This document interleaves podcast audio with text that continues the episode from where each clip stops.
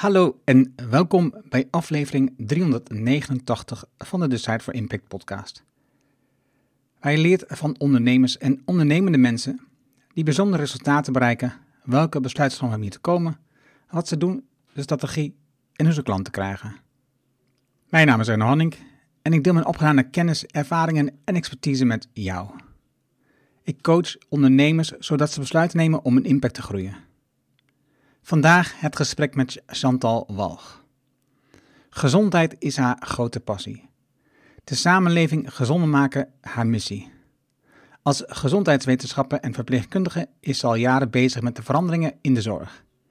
Ze droomt van de gezondheidszorg waar de mens, gezondheid en het samenleven centraal staan en waar vooral ook gekeken wordt naar perspectieven. Samen met professionals, managers en bestuurders van organisaties in heel Nederland werkt ze aan deze andere kijk op gezondheid. En ze schrijft erover.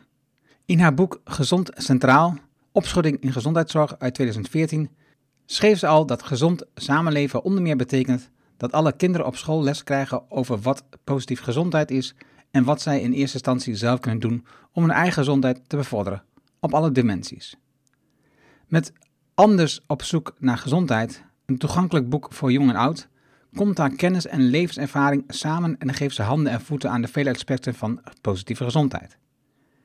Tevens legt ze de verbinding tussen onze persoonlijke en planetaire gezondheid, door zaken als onder andere biodiversiteit en plastic soep mee te nemen in de verhalen. Laten we beginnen.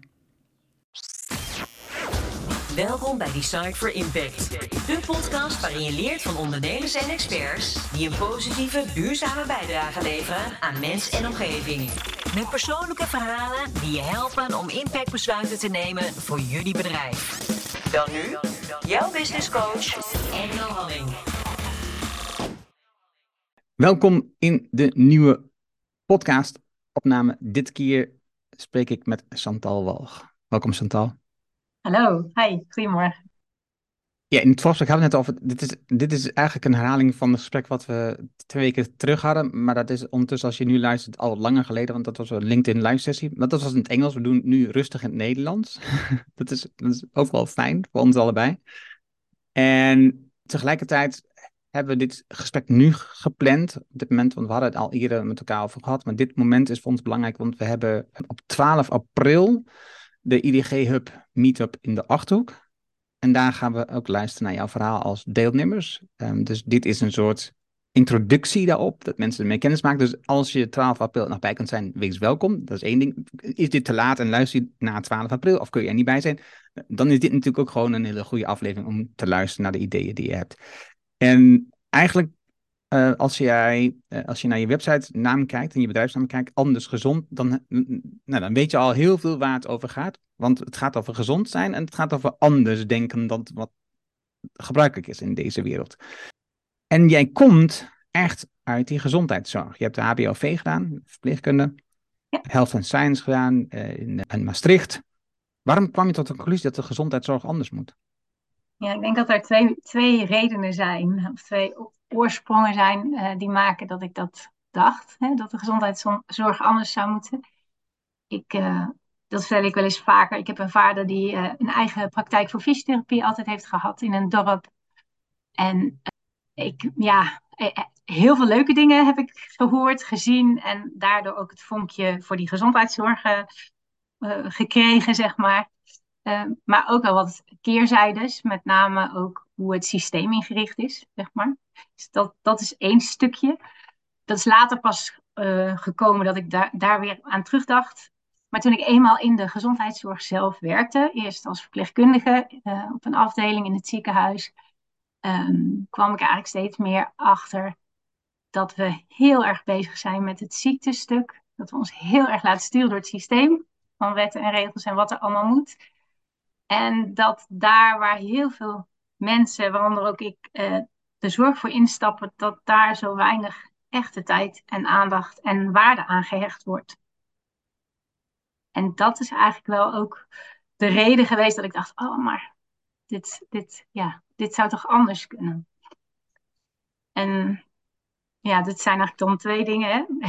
uh, misschien is er nog wel een derde. Uh, ik werkte op een gegeven moment op een oncologische afdeling. En daar kwamen heel vaak mensen met, nou ja, onder andere ook uh, tumoren aan longen. En um, op een gegeven moment moest ik een, een patiënt afkoppelen van de zuurstof en naar de rookkamer brengen. En de rookkamer, dat is uh, nu gelukkig uh, is dat er niet meer, maar toen ook wel.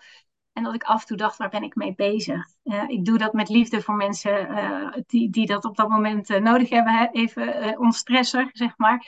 Maar op, de een of andere manier voelde het ook heel erg dubbel. Ik ben, eigenlijk wil je mensen beter maken. Mensen ondersteunen bij weer lekker in een vel zitten.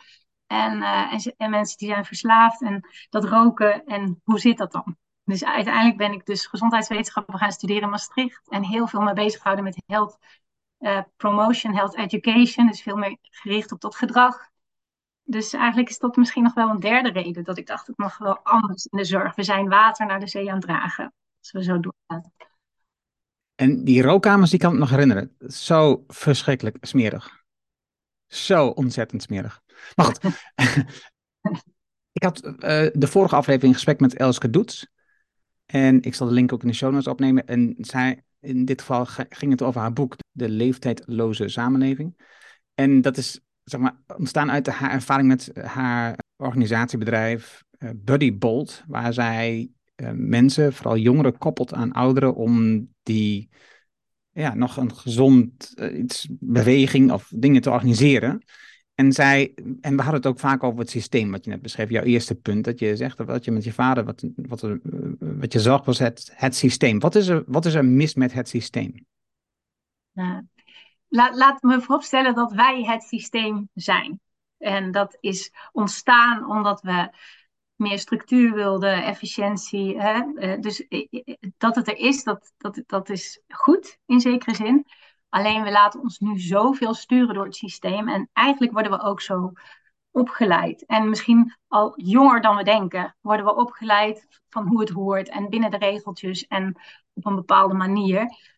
En als het een dogma wordt en het wordt, hè, de regels worden een dogma en um, zijn uh, ja, het kader waarbinnen we moeten opereren, en we kijken niet meer naar de mens en we kijken niet meer naar perspectief en naar waar we naartoe, naartoe willen, dan is het denk ik, uh, dan is het systeem heel erg beperkend. En, en ik geloof er heel erg in uh, dat, we, dat we binnen dit systeem die die er zijn ook al best heel veel kunnen, maar dat we een ander vertrekpunt vanuit andere waarden zouden moeten beginnen. En niet ons laten sturen door het systeem van wet en regels, hè, een financieringssysteem, maar dat we vooral kijken van wat is er nodig en hoe kunnen we dat wat er nodig is mogelijk maken. En dat vraagt gewoon een ander vertrekpunt en vanuit een andere waarde starten. Ik heb een, een aantal klanten gehad in, in die wereld, hè, dus die, die leven van de ziektekostenverzekering. Hè, dus de verzekering en, en dus een, een koppeling van de producten die ze verkopen met die ziektekosten. En, um, en, en denk maar bijvoorbeeld een fysiotherapiepraktijk, net als van je vader. En wat je ziet is dat die mensen eigenlijk continu kijken naar wat kan ik aanbieden, wat past binnen wat de klant nog vergoed krijgt. Het is dus de hele tijd te kijken naar de vergoedingen die er zijn. Zoveel behandelingen mag een klant hebben. En daar zijn ze de hele tijd in het kijken hoe ze dan hun werk kunnen organiseren in dingen. Terwijl ik heb dan altijd gekeken, oké, hoe kunnen we meer ondernemend zijn? Hoe kunnen we zeg maar loskomen van die vergoedingen en gewoon mensen een pakket aanbieden waardoor ze een andere levensstijl aan, aanleren, bijvoorbeeld. Om maar een voorbeeld te noemen, was met een fysiotherapiepraktijk bezig, waar, waar bijvoorbeeld mensen binnenkwamen met hoofdpijn. En die onderneemster van dat bedrijf, die eigenaar van het bedrijf, die zag een kans voor een product rondom hoofdpijn. En dus dat je, dat je, dan krijg je dus een specialisatie niet op het feit dat je een behandeling aanbiedt, maar dat je dus de hoofdpijn gaat oplossen. Dus je gaat de pijn veranderen. Dus je hebt dus de pijn als uitgangspunt in je product. En dan kun je dus nadenken, hoe kan je nou met je mensen eh, nadenken in je team, hoe kan je nou een, een brede oplossing maken voor dat probleem, waardoor die hoofdpijn voorgoed verdwijnt. Dus niet dat je een, elk jaar een paar behandelingen verkoopt, maar dat je voorgoed zeg maar, het probleem van die klant oplost. Waar dus heel veel gedrag in zit. En dus niet alleen maar een, uh, een, een, psychisch, of dit, een fysisch behandeling, maar dat je ook werkelijk gedrag aanpast van mensen. Het was zo moeilijk om dat voor elkaar te krijgen. Die ja. fysiotherapie-medewerkers zitten zo vast in dat systeem dat ze het heel ingewikkeld vinden. Want, dus ik zei, stel je eens voor dat je, dat je echt elke dag hoofdpijn hebt. Wat zal dat volgens jullie waard zijn om dat op, hoeveel geld zal het waard zijn om dat op te heffen, dat gedeelte? Nou, dus dat, dat, dat kunnen ze niet loskomen van een standaard vergoeding. Ik, ik, ik denk dat je zo 2000 euro wil betalen. Als je, dat, als, je dat, als je een goed programma hebt, wat je goed verkoopt en goed verpakt, dan kun je gewoon daar 2000 euro voor vragen. Maar dat kan je niet verkopen aan die mensen, zeggen ze dan. Want dat, dat geld hebben ze niet of zo. Ja. Nou, we moeten dus mensen op mensen richten die dat geld wel hebben. Dan, laten we daar eens mee beginnen. Ja, maar en wat doen we dan met die andere mensen? Ja, die moeten naar een andere praktijk gaan. Wij hebben een product gemaakt specifiek. Nou, en dat, is, dat, dat proces, dat, die verandering in hun gedrag, dat, nou, dat is zo ingewikkeld, dat heb ik gemerkt. Onvoorstelbaar. Nou ja, we zijn, nog, we zijn opgeleid uh, om problemen op te lossen, om symptomen te bestrijden vaak. En uh, achter de oorzaak komen, dat willen we misschien wel graag. Maar daar is vaak de ruimte niet voor. Hè? Helemaal omdat we zo niet zijn ingeregeld. En het idee van gezond als vertrekpunt nemen in onze gezondheidszorg. Het klinkt bijna te raar voor woorden, maar in principe zijn we nog steeds ontzettend bezig met ziektezorg. We mogen trots zijn op onze huidige ziektezorg. Hè. Die, die is goed, dat, daar mogen we ook trots op zijn. Maar er is nog veel meer dan dat. En gezond zijn is niet de afwezigheid van ziekte, maar gezond zijn is, een, hè, is het vermogen je kunnen aan te passen en je eigen regie kunnen voeren. En heeft te maken met heel veel meer dan het lichamelijke, maar ook met het mentale, meedoen stukje, kwaliteit van leven, hè, uh, uh, zingeving ook. En, en hoe we dagelijks ons ding kunnen doen. Dus gezondheid is zoveel meer. En als we dat als vertrekpunt nemen en uh, daarnaar gaan handelen, zeg maar, dan krijg je hele andere handelingsperspectieven.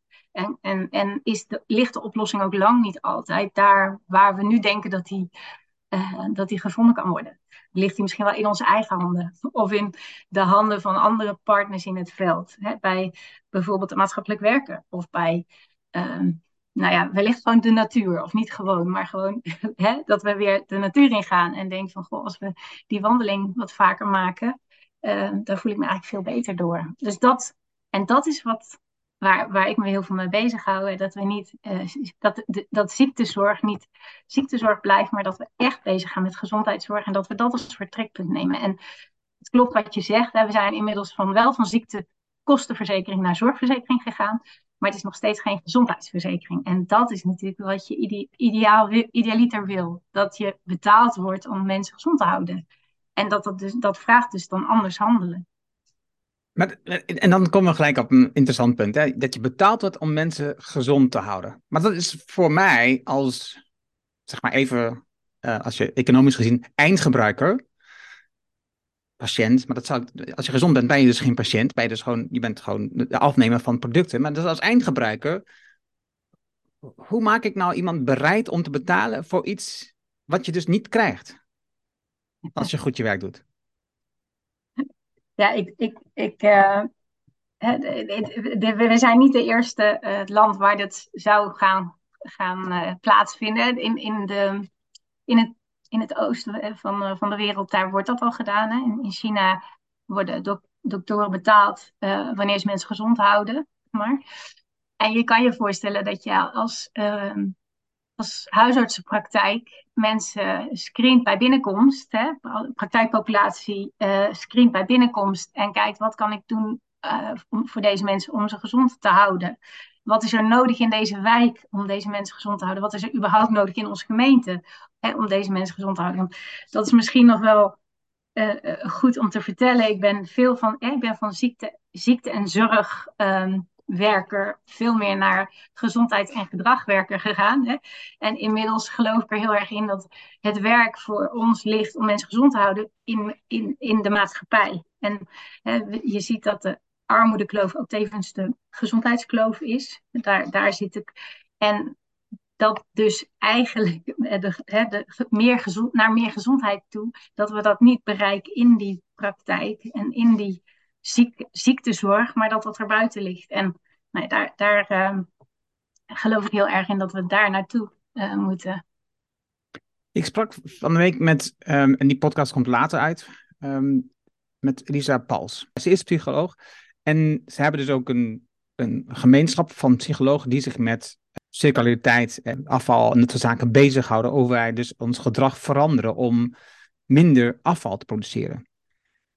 Eigenlijk is dus wat jij beschrijft, is dus werk voor psychologen. Of je zou kunnen zeggen, eigenlijk zouden alle mensen die in de gezondheidszorg werken, een psychologisch element moeten toevoegen aan hun werk.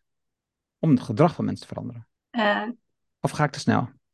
Uh, nou, ik, ik weet niet of, ik dat, of dat is wat ik echt geloof, zeg maar. Oké, okay. nou leg uit. ik, uh, ik denk dat we juist heel erg bezig zijn met, met de psyche geweest. Hè? Individueel gedrag beïnvloeden. We zijn, we zijn aan het kijken of we inderdaad door middel van preventie, hè, uh, selectieve zorggerelateerde preventie, dat is vooral op het individu gericht die al iets hebben, daarop sturen. En um, door te zorgen dat mensen um, minder gaan roken, meer gaan bewegen, gezonder gaan eten. En ik denk dat dat natuurlijk een element is. Uh, dat, dat stukje. Maar als we niet tegelijkertijd zorgen dat, er, uh, dat mensen in fijne huizen leven, goed, er goed onderwijs is, de, de, omgeving groen is, dat, dan blijven we water naar de zee dragen. Dat is echt dat is echt, ik werk nu, nu zeg maar meer dan twintig jaar in dit, in dit veld. En, en ik wil niet moedeloos zijn, want ik heb echt wel hoop. En ik zie dat er in de ziektezorg echt een draai is in de richting van preventie. Dus veel meer naar leefstijl. Maar dat is nog niet een stap, er moet nog een stap extra gezet worden. En dat is echt dat we veel meer die basis, zorgen dat we een gezonde en sociale basis creëren. En even terugkomend op dat psychologische stuk, dan denk ik dat je naast het psychologische vooral ook het sociologische stuk moet meenemen. En dat we gaan ervaren dat we dit samen moeten doen. En dat het niet een individueel iets is. En dat we geen fatshaming of geen. Dat we niet individuen apart gaan zetten, maar dat we dit veel meer als een gezamenlijk iets gaan ervaren. En wellicht ook echt in opstand komen tegen de, nou ja, eigenlijk tegen die groei want dat, dat de farmacie en dat de levensmiddelenindustrie nog altijd, en de tabaksindustrie, dat die altijd nog verslavende stoffen erin kunnen, hè, in hun middelen kunnen, uh, kunnen doen. En dat, dat ze eigenlijk helemaal niet echt aangepakt worden. Ja, ik denk daar ligt de gezamenlijkheid van de acties ook. Dus, uh... Zoals ik dat beluister, corrigeer me als ik dat niet goed heb, dan is het dus, zitten daar heel veel overheidstaken in om wetgeving aan te passen, om um, uh, andere manieren na te denken over huisvesting. Om, uh, we, hebben, we hebben natuurlijk best wel veel nu. Dat, de meeste mensen kunnen gewoon in Nederland een opleiding volgen um, zonder zich enorm in de schulden te steken. Er was nu een tijdje dat het lastig was, maar we gaan als het goed is een beetje de goede kant op. We zouden in Nederland in kunnen voeren dat we meer doen bijvoorbeeld aan kinderopvang, zodat, zodat er wat meer een gelijke verdeling komt in man-vrouw werken. Niet iedereen, hè, dus we hadden het over, de, Sander Simmelpenning bijvoorbeeld, die zegt dat de vrouwen die nu in deeltijd werken veel meer zouden moeten werken. Maar dat betekent nog steeds dat je de hele tijd denkt in groei. Je kan ook denken, nee, we moeten ervoor zorgen dat de mannen uh, minder gaan werken. Dat we dus gezamenlijk minder werken, want dan groeien we niet meer. En dat is denk ik waar we naartoe moeten. Maar dat zijn allemaal dus heel veel dingen waar je dus de overheid nodig hebt om wetgeving. Zegt, ja. u, zegt u het maar.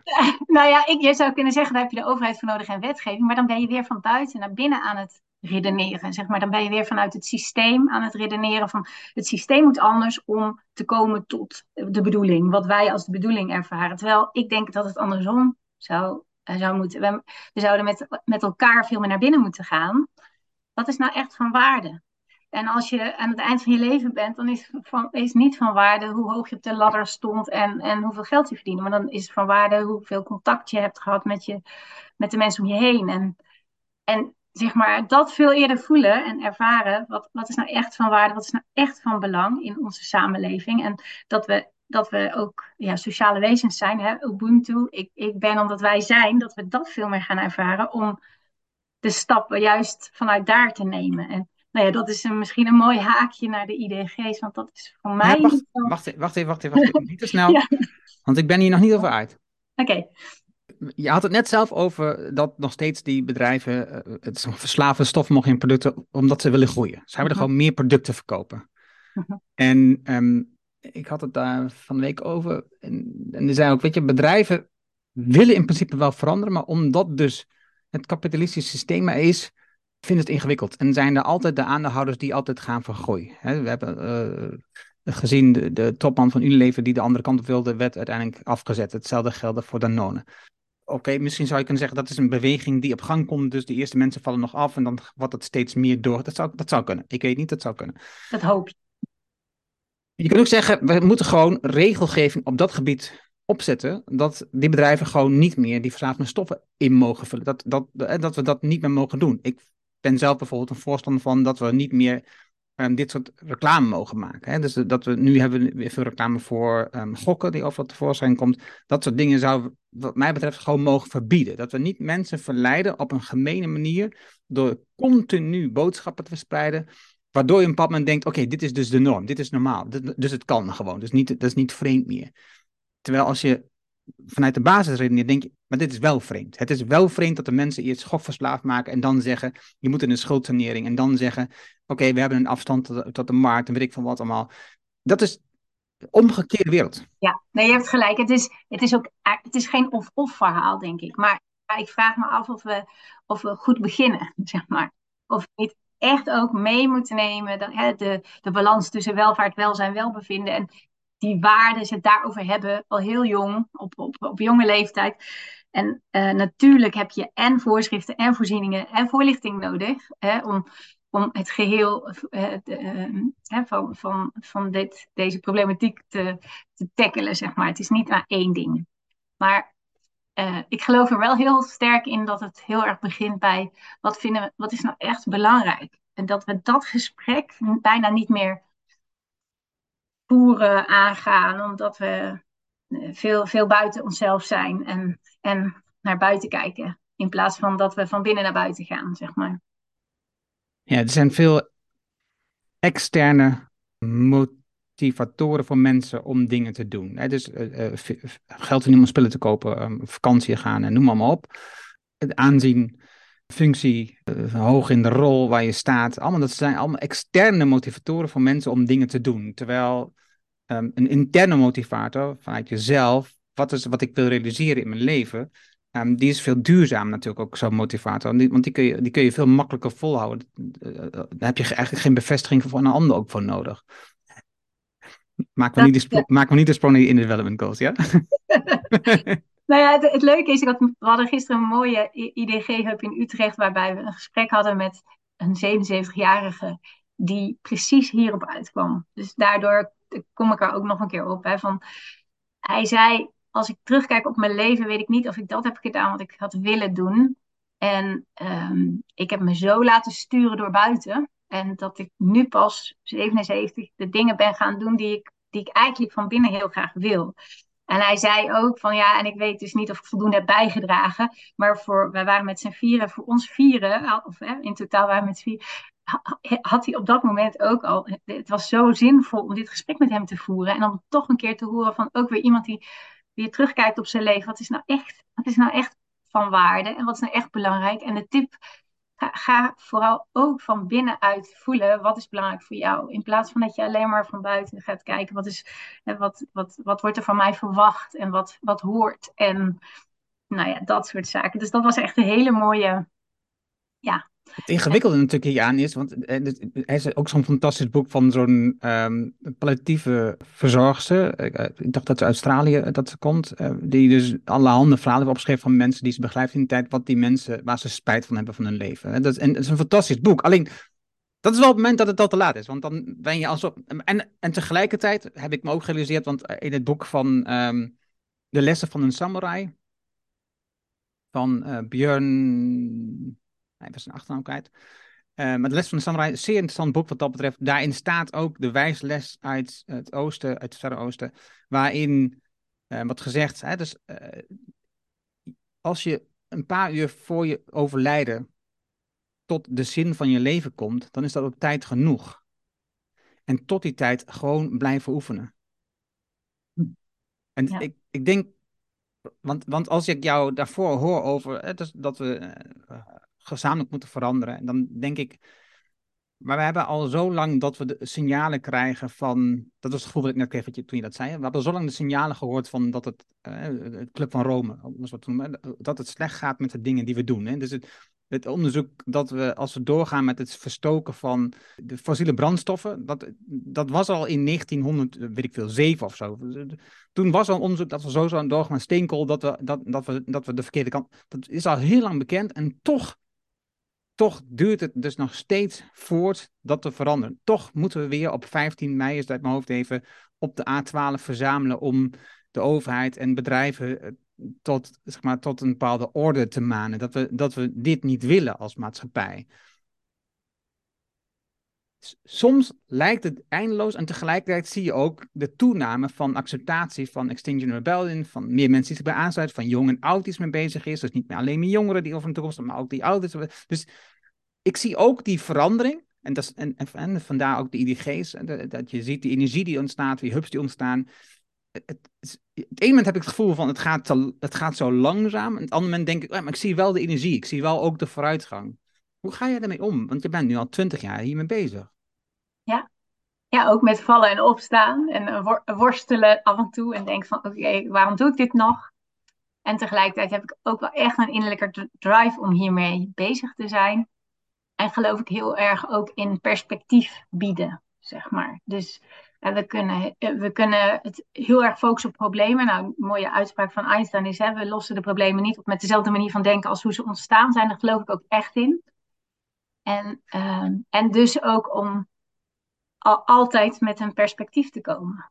Dus kijk, hè, wat, wat kan er wel en waar willen, waar willen we eigenlijk met z'n allen naartoe? En daar, daar naar op zoek gaan, zeg maar. Dus dat is een beetje mijn drive. Maar het vergt wel af en toe ook inderdaad frustratie. En ik ben in 2012 als, als een van de eerste begonnen met een netwerk positieve gezondheid in de Noordelijke Maasvallei. En toen was het echt nog een, nog een thema wat niemand kende. Dus dat heeft ook best wel wat frustraties gekost. En, en doorzetten, want uiteindelijk ja, moet je gewoon kijken hoe je, ondanks dat je hè, met mensen denkt van wat moet ik ermee, toch gewoon weer nou, aansluiten en kijken hoe, hoe kunnen we gezamenlijk toch een stap weer maken. Dus het, het, het is soms drie stappen vooruit en dan weer twee achteruit. Zo zie ik het ook wel. En als ik nu terugkijk, en dat vind ik heel hoopvol, als ik kijk naar 2012 en nu 2023, in deze elf jaar, als ik zie hoe ontzettend veel mensen er bezig zijn met dat concept, dan denk ik, het kan. Je kan gewoon uh, uh, je kan veranderen. Mensen kunnen dingen mee. En het is nog lang niet dat, dat iedereen hier volledig mee werkt en zo. Maar het is, het, mensen kennen het en mensen willen er wat mee. Die, het groot deel wil er ook wat mee. En er is wel echt een beweging gaan. En dat vind ik echt wel heel gaaf om, om ja, bij, bij, uh, bij, bij mee te, aan mee te mogen doen, zeg maar. En eigenlijk aan de wieg te hebben gestaan van dat stukje.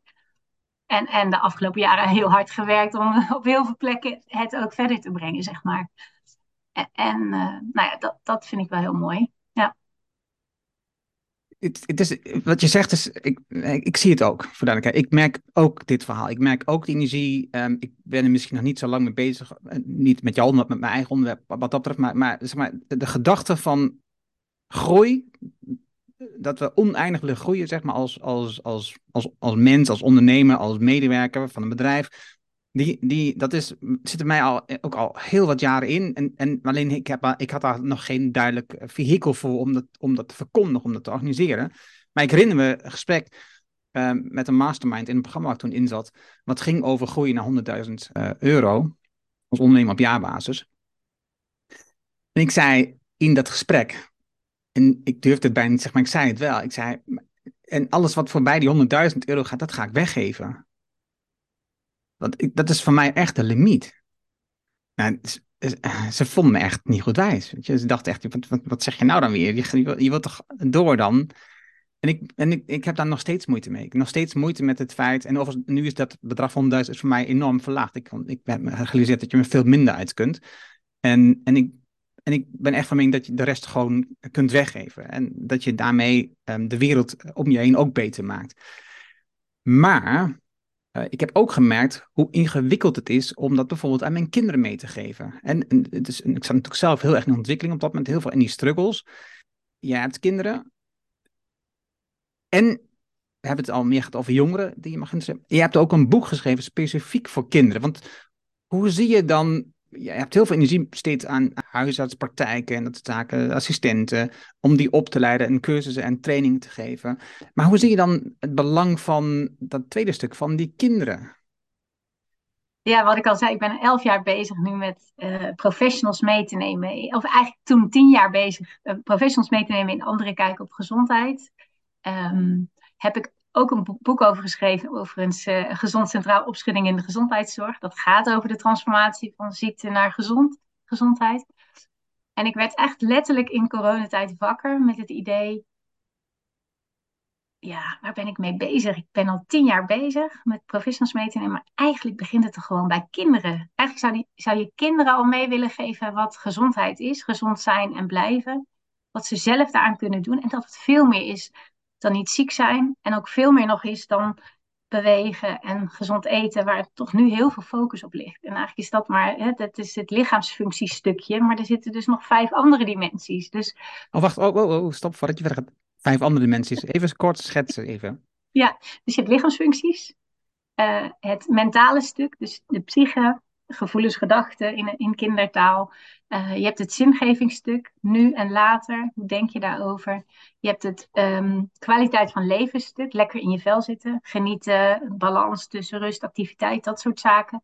Je hebt het stukje meedoen, uh, hè, hoor ik erbij, erbij horen, serieus genomen worden, uh, dat soort zaken. En dagelijks functioneren, dus je dagelijkse leven, naar school gaan, um, voor jezelf kunnen zorgen, grenzen aan kunnen geven, dat hoort ook allemaal bij gezond zijn en blijven. En eigenlijk zijn dat dingen die je al heel jong mee zou willen geven aan kinderen. En deels gebeurt dat denk ik wel, maar misschien niet zo bewust. Dus dat was eigenlijk de reden dat ik, uh, dat ik wakker werd met het idee, ja, er moet iets voor kinderen komen. En eigenlijk als, als in een flow, ik heb dat nog nooit eerder gehad, kwamen er allemaal verhalen. En die ben ik maar gaan opschrijven. En de eerste 18 kwamen echt vanzelf. En uh, toen dacht ik, jeetje, waar ben ik mee bezig? Ik, uh, ik ben zomaar allemaal kinderverhalen aan het schrijven. Uh, gelukkig waren er allemaal mensen om mij heen die zeiden gewoon lekker doorgaan. En dat heb ik gedaan. En dat heeft geresulteerd inderdaad in Anders op zoek naar gezondheid. Dus Anders is geen jongen, geen meisje. Anders ontmoet op haar pad allemaal dieren en een maan en boom. En voert gesprekken over alle aspecten van het concept van, van gezondheid, van positieve gezondheid. Ja. De link naar ondernemerschap leggen in dit verhaal. Voor mij ja. super interessant, hè? Ik denk dus dat ehm, de meeste ondernemers ehm, met een bepaalde intentie hun bedrijf starten. En die intentie is niet, ik wil veel, zoveel mogelijk geld verdienen, maar de intentie is vaak, ik wil een probleem oplossen in de wereld. Niet altijd, maar dat is vaak wel zo. En ik heb nu, met wat je nu vertelt, en ook wat ik zelf meemaak, maar ik, ik hoor de energie bij jou. Ik, heb nu het gevoel ook, ik denk dat als je als ondernemer niet die drijfveer hebt die jij net beschrijft, dat je met je probleem ook kinderen wilt meenemen. Oftewel, in mijn optiek, zoals ik naar kijk, de toekomstige generaties wel meenemen. Want dat is waar we naartoe. Zij, gaan, zij hebben de toekomstige wereld straks voor zich. Dan, dan is de drijfveer van je bedrijf niet, durf ik het te zeggen, schoon genoeg, mooi genoeg? Hoe zie je dat? Als ik dat zo zeg. Ja, ik, ik denk niet dat ik helemaal snap wat je bedoelt. Oké, okay, dan is het goed dat je het zo zegt.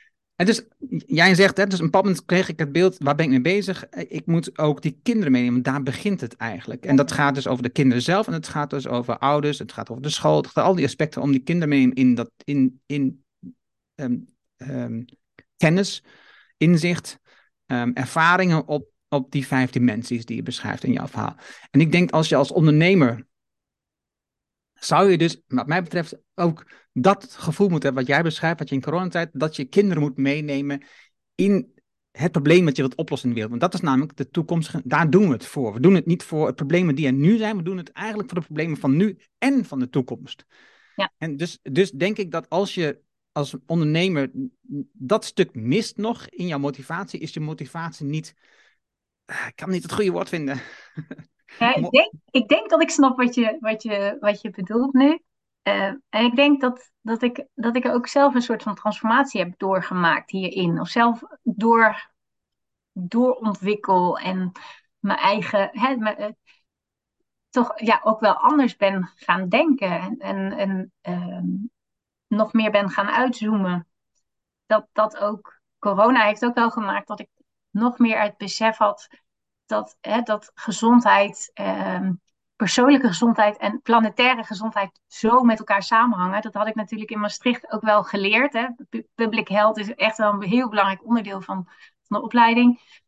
Maar dat besef en dat ik dacht als gezondheidswetenschapper dat ik daar nog een keer zo met de neus op de feiten wordt gedrukt, dat ik daar nog niet zo mee bezig ben, maakt ook dat we daar misschien als samenleving helemaal niet zo mee bezig zijn. Hè? Alleen dan de mensen die in het veld werken en ook nog lang niet iedereen.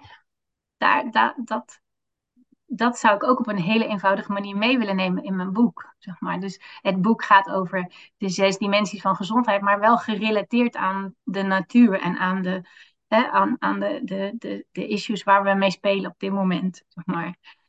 Dus... En dat in een tijd waar het alleen maar ging over de gezondheid. Of beter gezegd, de ziekte die er heerste. Hè, de pandemie. Ja. Dus in een tijd waar, waar de focus enorm was op die pandemie en alles ging over het voorkomen van het overlijden van die mensen en het bestrijden ervan en um, een middel vinden om het, om, het, om het op te lossen. En helemaal niet ging over. Um, voor sommige mensen was er, denk ik, een hoop dat het corona heel veel zou veranderen. Maar we hebben nog steeds heel veel dieren bij elkaar op een stok of opgehokt of wat dan ook. Waar nog steeds pandemie. Hè, we zijn al vaak voor gewaarschuwd door experts en we blijven gewoon doorgaan. Wat sprak jou in die inner development zo aan dat jij die link zag tussen het werk wat je doet? Ja, ja dat, is een, dat is een leuke vraag. Ik, ehm, en ik, ik, ik merkte in het begin dat ik het lastig vond om het uit te leggen. En eigenlijk is het helemaal niet zo super lastig. Waar ik meteen op aansloeg waren de waarden die eronder staan. Het zijn vijf werkwoorden. En ik ben ook wel heel erg van die werkwoorden. Hè? Waar moet je aan werken? Hoe kan je er ik en wij voor zetten en samen mee aan de slag gaan? En daaronder vallen dan een aantal, ja, in, in de taal van de IDG's is het kerncompetenties en vaardigheden. Maar ik zie die kerncompetenties ook heel erg als waarden. En ik, en nou ja, wat ik straks al zei, gedeelde waar, gaan kijken wat is van waarde voor ons. Uh, onze waarden delen, kijken wat, wat heeft prioriteit, wanneer. Ik denk dat we daar heel erg naar terug mogen. En zoals ik net al zei, um, gezondheid oplossen binnen onze huidige ziektezorg, dat zie ik niet als, als de manier. En het vraagt echt dat we ook naar andere SDG's kijken. Dus niet alleen naar de SDG 3 die gaat over gezondheid en well, health en well-being. Maar ook dat we kijken naar uh, onderwijs en naar armoede, maar ook naar bio, hè, biodiversiteit. Dus um, toen ik die IDG zag, dacht ik van wauw, dit is wel heel gaaf. Want als we echt met z'n allen willen werken aan die doelen. En voor mij in dit geval, als ik echt wil bijdragen aan gezondheid, vraagt dat ook dat ik me bezighoud met het werken aan die SDG's. En dit is een gemene deler, die begint van binnenuit. En dat is waardoor ik dacht, hier wil ik bij zijn. hier wil ik mee werken en uh, mee aan de slag. Ik had een vergelijkbaar gevoel toen ik ze voor het eerst zag in IDG's, inderdaad, een goals was we beginnen uiteindelijk bij onszelf. Je krijgt een aantal, het zijn, het zijn gewoon 23 vaardigheden, kwaliteiten, waarden die, die niet vreemd zijn. Het is gewoon, zijn bekend allemaal. Je? Niks vreemds aan. En tegelijkertijd, door ze op zo'n manier in zo'n raamwerk neer te zetten, met daarboven de vijf domeinen waar ze onder vallen, de werkwoorden, dat je ermee aan de slag gaat zelf, dat is, dat is denk ik zo uiteindelijk eenvoudig om te doorzien. Uh, waardoor mensen, als je het over hebt, heel snel aanhaken. Dat is, dat is heel fijn. Mensen kunnen snel, hè, dus als je naar de SDG kijkt, het is niet iets waarbij je direct snapt, oh ja, nu moet ik dit gaan doen. Hè? Dus je snapt wel, oké, armoede moeten voorkomen, maar wat moet ik nou zelf dan gaan doen daarin? Weet je wel? Dus dat is ingewikkeld. Maar als je ziet van de vaardigheid uh, moed, om even te noemen, in, in het domein actie, dan uh, weet je, oké, ja, eigenlijk heb ik wel op dit moment weinig moed om voor mijn dingen uit te komen, om te gaan staan, om te, gaan demonstreren, om wel op die A15 te gaan liggen. Ik zeg maar wat even. Hè? Dus, of om mijn programma eh, naar de markt te brengen, of om in de zorg actie te ondernemen. Ik, ik weet niet, maakt niet uit wat het is, maar je, je kan bij jezelf vast dingen vinden waarvan je zegt, ik heb hier eigenlijk best wel wat meer moed nodig om de volgende stap te zetten. En dus dat begint dus bij jezelf. Hè? Dus, en dat maakt het um, eenvoudig. En tegelijkertijd is het wel werk. Je moet er wel je kan niet zeggen, ik, ik heb het nu en dan is het klaar. Nee, het gaat, het, het gaat ook altijd door. En ik, ik ben echt van mening dat, dat we dit als maatschappij, als mensen, dat we dit allemaal zouden moeten doen. En dus ook dat, um, dat ik dus heel erg gemotiveerd ben om ondernemers dit duidelijk te maken. Dat je dit, dat je dit in je organisatie en in je bedrijf moet inbrengen. Omdat als je dit namelijk doet met je mensen, dat je ze helpt in die stappen dan krijg je ook gewoon gezondere, gelukkiger, meer zichzelf zijnde mensen die minder angst hebben om voor dingen uit te komen. Allemaal aspecten die een belangrijke rol spelen om gelukkige mensen in je werk te krijgen. Waardoor ja, niet meer de focus ligt op, op, op meer geld verdienen, maar ook op een, meer welzijn, op een beter leven. En ja, wat wil je nog meer? Dat je, een, dat je een bedrijf hebt waar heel veel mensen werken, of een paar mensen werken, of maar één mens werkt waar iedereen gewoon heel blij is. Waar iedereen met plezier het werk doet en gewoon ook gelukkig in je bedrijf komt en weer gelukkig naar huis gaat. Dat is, toch, dat is toch de mooiste wereld die je kunt voorstellen, denk ik dan? Ja, ja zeker.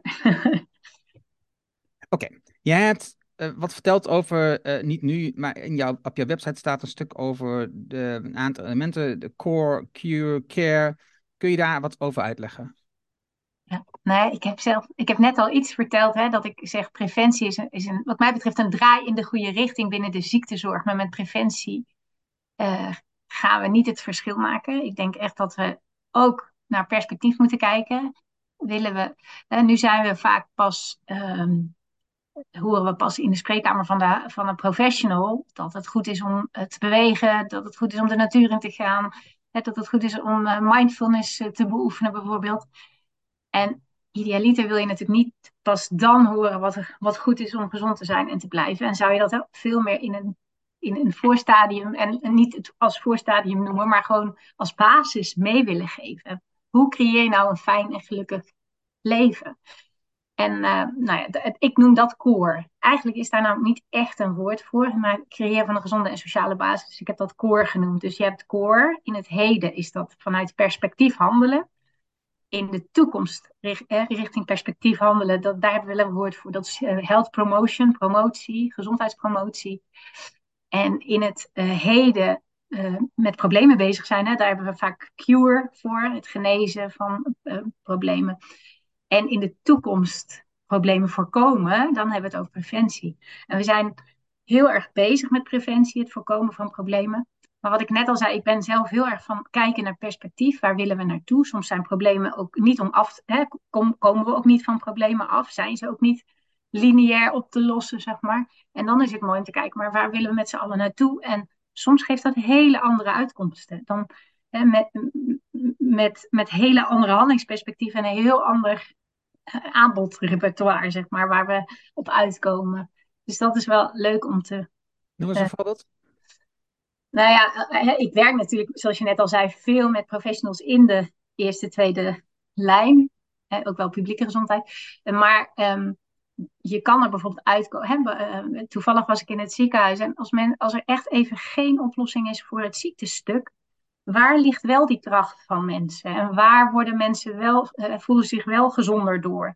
En soms kan dat zijn door uh, door lekker naar huis te kunnen, toch in het weekend, ondanks hun ziekte. En lekker met de hond te knuffelen. Of even met, met je familie te zijn. Of hè, uh, Sinterklaas te vieren. Dat was een verhaal van een, van een ervaringsdeskundige waar ik afgelopen week een sessie mee gaf.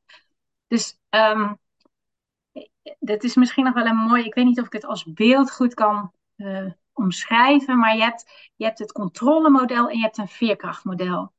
Het controlemodel is een model, hè, je moet je voorstellen, een kommetje wat je op de kop zet met een, met een bal erop. Dat bal is het probleem. En we proberen enorm om hè, in ons huidige, misschien niet alleen ons gezondheidsziektezorgsysteem, maar in onze hele samenleving om het probleem onder controle te houden. Dus we zijn heel erg bezig met dat balletje wat op dat kommetje ligt. En dat is het controlemodel. En dat noemen we eigenlijk ook de smalle kijk op gezondheid. Hè? Zo kan je ook die smalle kijk op gezondheid zien. Maar je kan ook het kommetje omdraaien en dat probleem in het kommetje leggen. Wil niet zeggen dat dat probleem dan verdwijnt. Maar als je dat kommetje ziet als de kracht en de veerkracht van mensen. En je gaat kijken hoe kan je dat kommetje versterken, vergroten, verbreden, verhogen. Zeg maar. En dus zorgen dat je kijkt dat, hè, dat je aandacht hebt voor dat waar mensen zich krachtiger door voelen. Dan is dat probleem er nog, maar kan er vaak veel meer dan je denkt. Dus nou, dat, hè, hoe komen we van een, van een controle samenleving naar veel meer veerkrachtige samenleving, even, in het, even om het even naar grote perspectief te plaatsen. Dat is ook, denk ik, om naar perspectief veel meer te kijken en wat er wel kan. Dat de problemen zullen niet meteen ineens opgelost worden, maar soms blijkt, en dat is ook in het geval bij individuen zo, dat als je focust op andere zaken, dat dan vaak het probleem kleiner wordt, minder voelbaar wordt en soms zelfs ook oplost. Dus dit, dat is eigenlijk ook de onderlegger van het concept van positieve gezondheid. Maar ik ben benieuwd of het wil. Ik, ik, ja. ik uh, leg een parallel naar het Anglo-Amerikaanse gedachtegoed en het Rijnlandse. Het Anglo-Amerikaanse gedachtegoed bestaat uit het controleren, het onder controle krijgen van het probleem.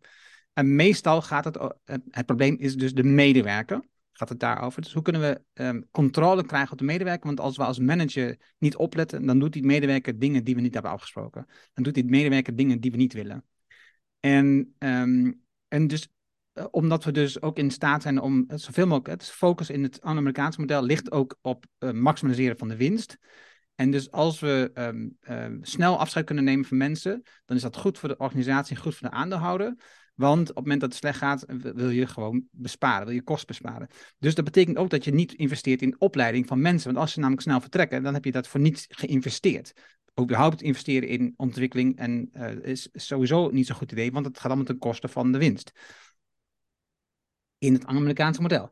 Dan heb je daarnaast het Rijnlands model, wat eigenlijk de oorsprong was ook in Nederland. Maar sinds de Tweede Wereldoorlog uh, is dat veranderd, met name door de komst van de de fondsen die we toen hebben gekregen vanuit Amerika, staat er een aantal afspraken bij. En dat was dat we meer naar dat eh, Amerikaanse model gingen.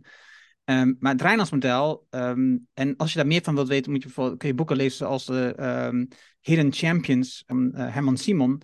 Dat laat heel veel voorbeelden zien, want dat zijn bedrijven die meer vanuit die perspectieven handelen. Het zijn vaak familiebedrijven die het niet gaan over, ik wil de winst maximaliseren, maar ik wil de organisatie, het probleem oplossen. Dat zeg ik niet goed, maar in ieder geval, uh, uh, wat is mijn functie in de maatschappij? Dat, dat willen ze vergroten.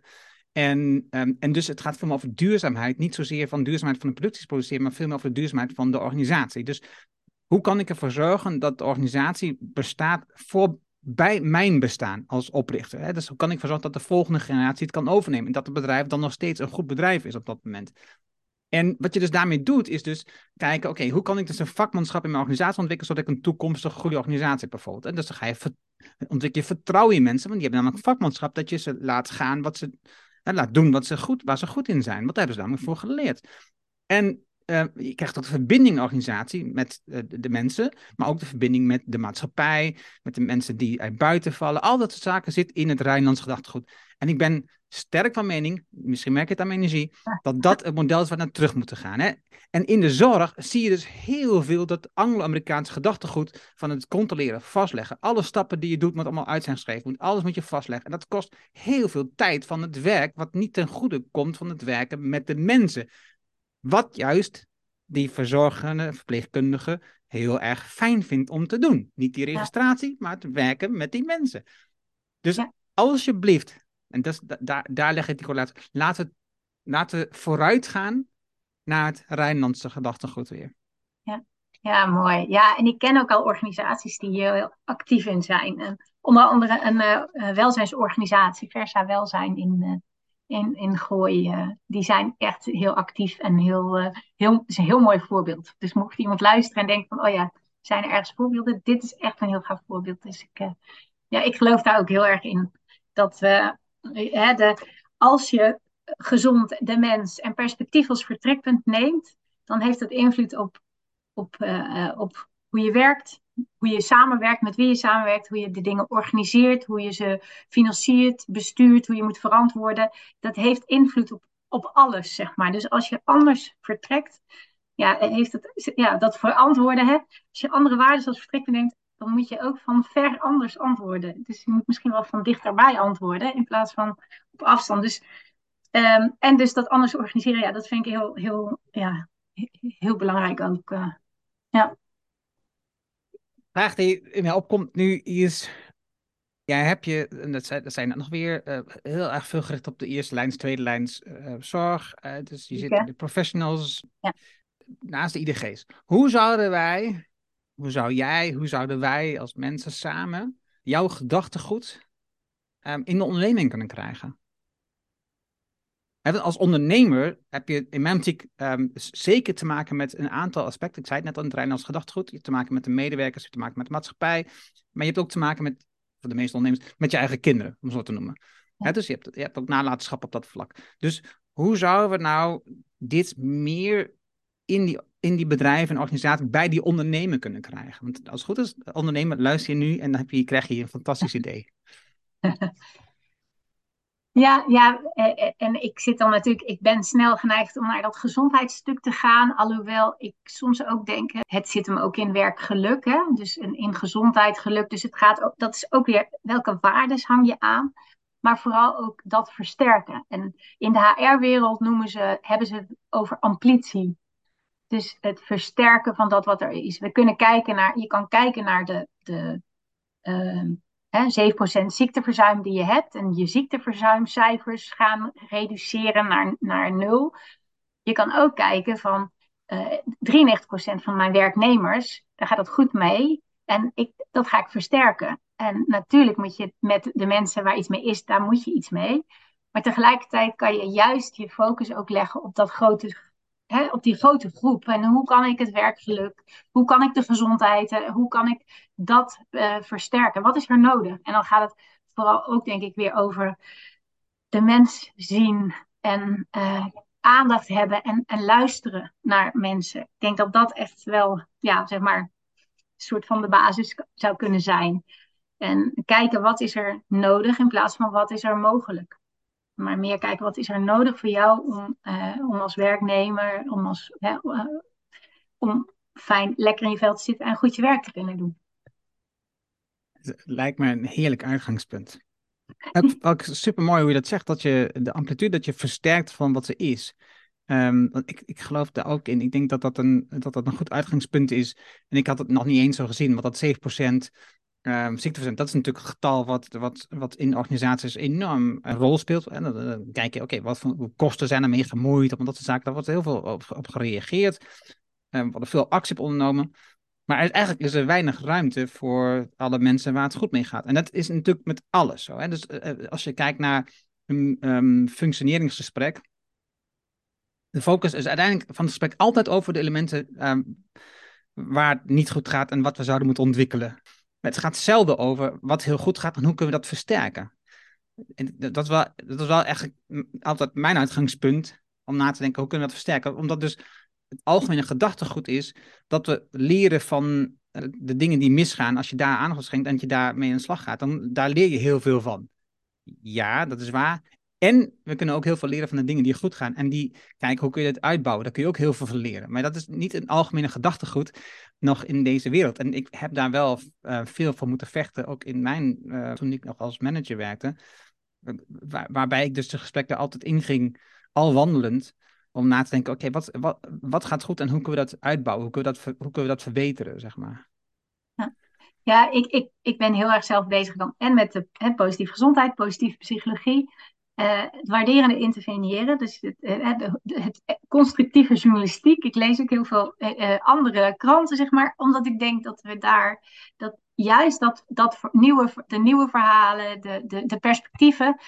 En helemaal niet dat, dat ik altijd alleen maar optimistisch ben, helemaal niet. Maar ik geloof er wel in dat we daar verder mee komen. Zeg maar. Dus dat is wel. en, dat, en dat kan dus ook. Alleen vraagt het een andere focus. Het, geeft, het is zelfs een focus dat ik niet altijd naar het uh, acht uur journaal kijk, maar gewoon het, het zeven uur journaal, het jeugdjournaal kijk. Omdat daar beide kanten vaak worden be, besproken, zeg maar. Dus zowel uh, dat wat er niet goed is, maar ook wel wat er wel goed is en waar, waar ook de focus op kan leggen, zeg maar. Dus dat, uh... Welke kranten lees je zoal? ja, de correspondent uh, en de optimist. Dus ja, onder andere. Ja, en daarnaast wel ook de Volkskrant. Dus dat zit er ook nog wel bij hoor. Dus het is niet dat ik maar het is niet dat ik die van voor tot achter allemaal lees. Maar ik zie, dat is het, weer het handige van de social media. Dat je af en toe toch ook weer stukjes hoort van mensen. Of dat ik dan denk, oh, ik moet toch eventjes ook, de, ook ergens een andere krant kijken. Om eens te kijken wat, wat dat artikel is. Of je krijgt af en toe wat toegestuurd, zeg maar. Dus het is niet uh, dat ik echt alles van voor tot achter lees. Maar ja, zo kom ik wel aan mijn info, zeg maar. Ja. Bijvoorbeeld, dus, na de recente verkiezingen, dus we leven nu eind maart 2023, heeft het BBB veel winst geboekt in de, de, Eerste Kamer en ook in de waterschappen. En dat werd nou, vrij negatief uitgelegd door de media. Dat is, is rampzalig. De, de, Tweede Kamer zou niet stand kunnen houden. Heel veel dingen zouden niet goed kunnen meer zijn, omdat zij nu eenmaal aan de macht zijn. En, maar als je um, wat dieper en als je wat langer wacht naar, eh, als de eerste stof is neergedwald, zeg maar, je kijkt dan wat er dan in de media verschijnt en je kijkt wat dieper, dan zie je gewoon, er zitten, er zitten veel meer stemmen natuurlijk in het land. En, en je ziet niet dat het hele land een één keer groen is van BBB, maar dat er ook heel veel andere aspecten zijn. Bijvoorbeeld de Partij van het Dier heeft heel veel stemmen gewonnen. Je ziet dat, dat er nog een heleboel andere partijen stemmen hebben gewonnen je ziet oproepen die komen, als dan boeren willen steunen, laten we ze dan ook goed steunen. Laten we gewoon producten nu rechtstreeks bij de boer kopen. Hè, er zijn, het zijn natuurlijk boeren die het anders organiseren, die niet rechtstreeks aan de, aan de Albert Heijn leveren, maar die dus gewoon duurzaam producten produceren in, in het seizoen. En dat gewoon uh, per stuk aan consumenten verkopen in plaats van in bulk aan, aan, aan de supermarkten ja, laten we alsjeblieft die boeren de ruimte geven. Laten we alsjeblieft de boeren de ruimte geven die zich be bezighouden met uh, ecologische regeneratie, die nadenken over biodiversiteit. Ja, dat is, dat is een goede ontwikkeling. Dus het heeft, ook, het heeft ook heel veel, wat je net al zei, laten we de aandacht, het licht schijnen op de dingen die juist goed hieraan zijn. In plaats van alleen maar te zeggen, oh, dat is een ramp. Nee, ik ben net nog vergeten, ik ben uh, ambassadeur van Maatschap Wij. En die schenken natuurlijk ook heel veel aandacht aan juist die mooie initiatieven die ja, de, het perspectief bieden, zeg maar. Dus dat, dat, daar word ik zelf ook heel blij van. En ze geven ook leuke handreikingen vaak met tips uh, wat je zelf kan doen om, om toch een bijdrage te leveren. Want ik merk gewoon ook wel dat mensen ook zich een beetje machteloos voelen. En zeggen van, hé, wat kan ik nou doen? En nou, er zijn twee dingen die ik in ieder geval de afgelopen jaren anders ben gaan doen. Maar het afgelopen half jaar ben ik uh, ook mee gaan doen met de challenge van die maatschappij heeft uitgesproken om niks nieuws te kopen. En dat levert zoveel op. Maar het is ook zo fijn om, ook al is maar zo'n heel klein stukje, bij te dragen aan, zeg maar, niet nog meer spullen. En um, ja, daarnaast uh, doe ik mijn lunchwandeling vaak met een stok, prikstok, zeg maar. En dus ik, en zo probeer ik zelf een beetje actie te ondernemen, zeg maar. En dat geeft wel ook weer een fijn gevoel. Ook al weet ik dat het een heel klein dingetje is.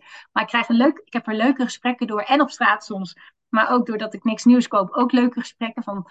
Want ja, soms nou, hè, vriendinnen die dan van mij nu een ervaring krijgen. Dus ze krijgen allemaal een ervaring in plaats van dat, dat ik dat soms deed, zeg maar. Of dat ik... Uh, iets uit de tuin haal of zelf iets maken of bak of kook. Dus, dus, dus het, het geeft een hele, ja, een, een, een, geeft hele andere dynamiek. Die ook heel leuk is. Die ik ook iedereen kan aanraden om het, uh, om het te doen. En, um, en het is veel makkelijker dan je denkt. En heel vaak ga je dingen kopen op momenten dat je misschien wel minder lekker in je vel zit. En nu denk ik dan van oké, wat is er met me aan de hand in plaats van dat ik hè, dat ik, uh, dat ik toch denk van, oh, ik ga dat uh, t-shirtje kopen. Of ik ga, uh, dat, dat is gewoon niet. Ik was nog nooit zo'n big spender, maar ik merkte wel, ik merk wel dat dat momenten zijn, zeg maar, waarop je daar meer misschien behoefte aan hebt om eventjes, ja, buitenkant, iets aan je buitenkant te doen, zeg maar. Ja. En, en uh, Elisa, uh, Paul die van uh, Zero Waste Nederland, um, daar had ik ook met haar over, over deze challenge. En zij is mede-initiator van deze challenge. En ja. het, um, het, het, zijn kleine dingen wat je zegt, maar dat, dat handelingsperspectief, uh, dat is denk ik cruciaal om te houden. Hè? Dat, ik, ik, ik, herinner me het gesprek wat ik had met um, uh, Paul, nee niet Paul, ben ik natuurlijk zijn naam kwijt. Hij heeft een boek geschreven over um, the worst of, the best of times and the worst of times. Paul, ik weet niet meer. Ik voeg het in de show notes toe. Kun je het zo vinden. Paul Barings. Paul Barings, dat is zijn naam. En hij um, heeft het ook daarover. Weet je, het punt is dat wat je ziet, is dat de bedrijven uh, ons voorhouden dat we er niets aan kunnen veranderen. Dat, we, dat, dat, dat wat wij doen eigenlijk geen zin heeft. He, dus dat, dat, dat we eigenlijk gewoon moeten doorgaan met leven, want het heeft toch geen zin. Het, de impact die jij hebt, die is, die is, die is te verwaarlozen. He, dus dat moet gewoon de overheid oplossen, dat moet de organisatie oplossen. Dat is niet van het individu. En dat is heel bewust. Want dat betekent namelijk dat je voorlopig nog doorgaat met deze bedrijven ondersteunen door hun spullen te kopen. En, dus, eh, en ik denk, om even terug te brengen naar die ondernemer, ik denk ook dat het, dit soort um, challenges, dit soort gedachten, enorm helpen om ook als ondernemer in je organisatie na te denken over wat kan ik bedenken dat we um, zelf kleine onderacties ondernemen in dit bedrijf. En dan zie je bijvoorbeeld um, de 2 billion uh, challenge, hoe heet het ook alweer? Eh, die werken dus vanuit um, inkooporganisaties om ook bedrijven te helpen om anders te denken over het kopen van spullen, het kopen van grondstoffen. En, en ik denk dat je dat als ondernemer zelf ook kunt doen in je organisatie. En dat je nadenkt over hoe kan ik nu in mijn organisatie mensen helpen om de volgende stap te zetten in onze verandering van de producten. Uh, om dat duurzamer te maken, om het um, repareerbaar te maken. Om te kijken hoe kan ik de kracht van mijn mensen gebruiken en ze tegelijkertijd dat handelingsperspectief te bieden, dat wat zij doen impact heeft in de maatschappij, maar ook in ons bedrijf. Ja, ja. Die link die, die wilde ik heel graag maken naar dat handelingsperspectief, omdat het namelijk, ja, wat jij zelf ook al zegt, dat het cruciaal is. Dat je, je moet iets, je moet kunnen zien dat wat jij doet, dat het effect heeft. Al is het soms heel klein. Weet je, als je een blikje opraapt en in de vuilniston gooit, dat stelt niets voor op de schaal van alles wat we aan het doen zijn, dat plastic soep.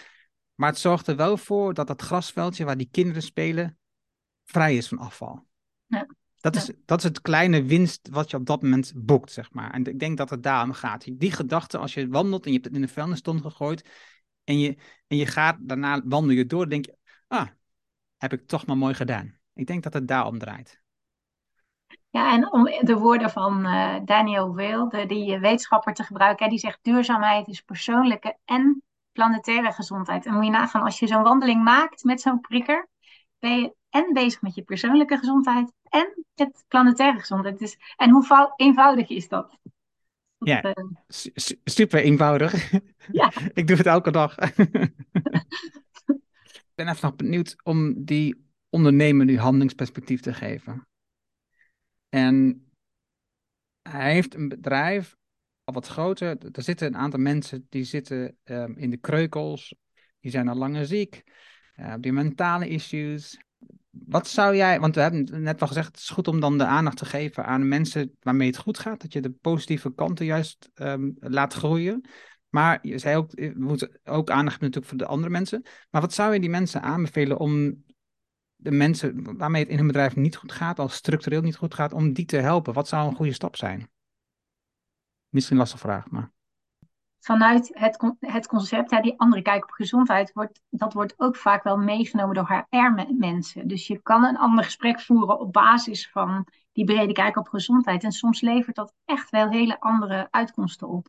En dat betekent dus dat je wel ook andere taal gebruikt. Hè. Waar wil je naartoe in plaats van waar wil je van af en niet focus op dat probleem en uh, helemaal uh, naar dat probleem en die symptomen. Maar vooral echt ook kijken waar wil je naartoe en welke stappen in die richting zet je of kun je zetten. Waar heb je, hè, waar, waar heb je wie voor nodig? En dat je dus in de breedte het gesprek gaat voeren. En soms kom je echt, echt hele andere dingen uit. Ik heb een voorbeeld van een meneer, en dat is dan wel een eerste lijnsvoorbeeld. En die geef ik vaker, die staat ook in mijn boek.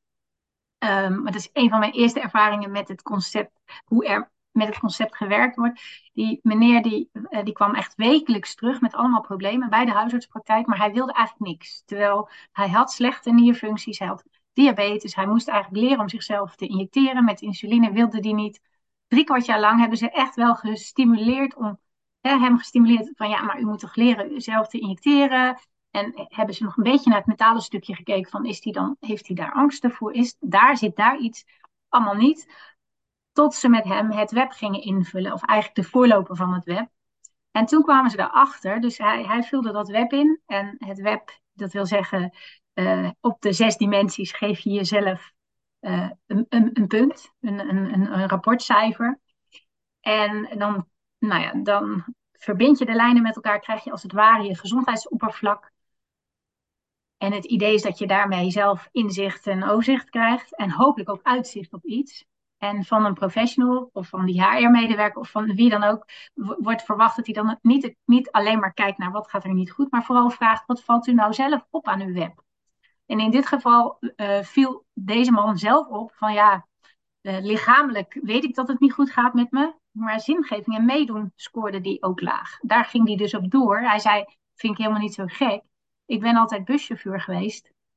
En ik uh, reed heel vaak op dezelfde route, kende iedereen op de route. En ik mis mijn werk. Dus ik mis de mens, ik mis het contact. Toen zijn ze vanuit die huisartspraktijk gaan kijken, oké, uh, wat zou u het liefst willen? Waar hoopt u op? Nou, uiteindelijk wilde die toch wel iets van een baantje weer. Dus zijn ze met een welzijnswerker gaan kijken, is er vrijwilligerswerk voor deze meneer? Vrijwilligersbaan gevonden bij het ziekenhuis, waarbij die mensen van de parkeerplaats naar de afdelingen rijdt en weer terug. Dat deed hij anderhalf uur om te kijken hoe, het met, hoe dat ging. Ik vond het geweldig. Maar hij wist eigenlijk ook meteen, dit, ik ben niet voor niks afgekeurd. Ik kan dit helemaal fysiek niet. Volgende dag stond hij weer bij de huisartspraktijk op de stoep en zei hij, willen jullie me alsjeblieft leren injecteren, want ik moet naar mijn werk. Wij zijn vaak zo gefocust op dat wat er niet goed gaat en proberen daar alles, alle energie in te stoppen. Terwijl loslaten soms, dat is het ook, soms loslaten van dat wat er is en de problemen die er zijn en kijken van wat is er allemaal nog meer, waar liggen de drijfveren, is zoveel waardevoller soms. Dus en, en dan, nou ja, uiteindelijk ging het ook beter met zijn gezondheid. Dus ja, dus, dus misschien is dat ook wel een tip aan ondernemers. Als je nou ja, echt een ander gesprek voeren en mensen horen, zien en goed luisteren naar wat er, wat, er, wat er speelt. En dat je niet alleen maar bezig bent met de problemen, maar ook gewoon kijkt waar zit iemands kracht. Waar gaan ogen van vonken, zeg maar, in plaats van dat je alleen maar kijkt naar wat er niet kan.